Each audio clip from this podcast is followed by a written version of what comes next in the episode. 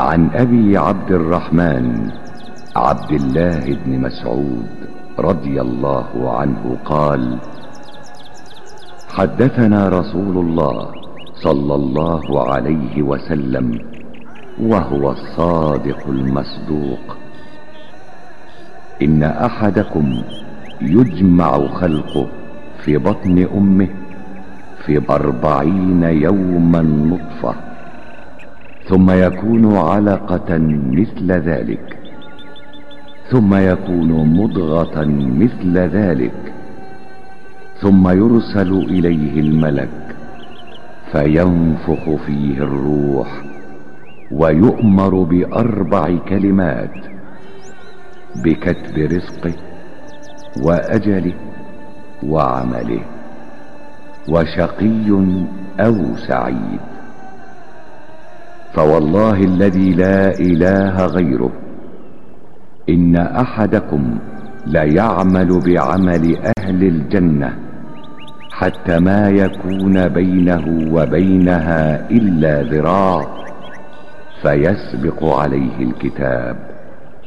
فيعمل بعمل أهل النار فيدخلها. وإن أحدكم لا يعمل بعمل أهل النار حتى ما يكون بينه وبينها إلا ذراع فيسبق عليه الكتاب فيعمل بعمل أهل الجنة فيدخلها. رواه البخاري ومسلم. Od Ebu Abdurrahmana Abdullaha ibn Mas'uda radijallahu anhu prenosi se da je rekao Pričao nam je Boži poslanik sallallahu alaihi ve sellem a on je onaj koji istinu govori i kom je se vjeruje.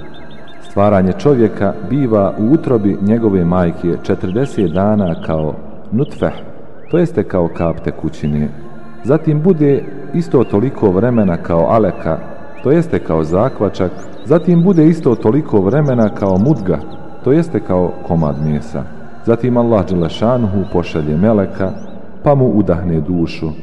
I to meleku bude naređeno da zapiše četiri odredbe na faku djeteta i konac života, to jeste koliko će živjeti, i njegov posao, to jeste njegova djela, i da li je u pogledu drugog svijeta sretan ili nesretan. Pa tako mi Allaha, osim koga nema drugog Boga, jedan čovjek radi posao koji vodi džennetu sve dotle dok između njega i dženneta ne bude lakat prostora, pa ga pretekne ono što mu je zapisano, pa se počne baviti poslom koji vodi u vatru, pa uđe u nju. A drugi čovjek radi posao koji vodi u vatru sve dotle dok između njega i vatre ne bude kao lakat prostora, pa ga pretekne ono što mu je zapisano, pa počne raditi posao koji vodi u džennet, pa uđe u džennet. Ovaj hadis bilježe Buharija i Muslim.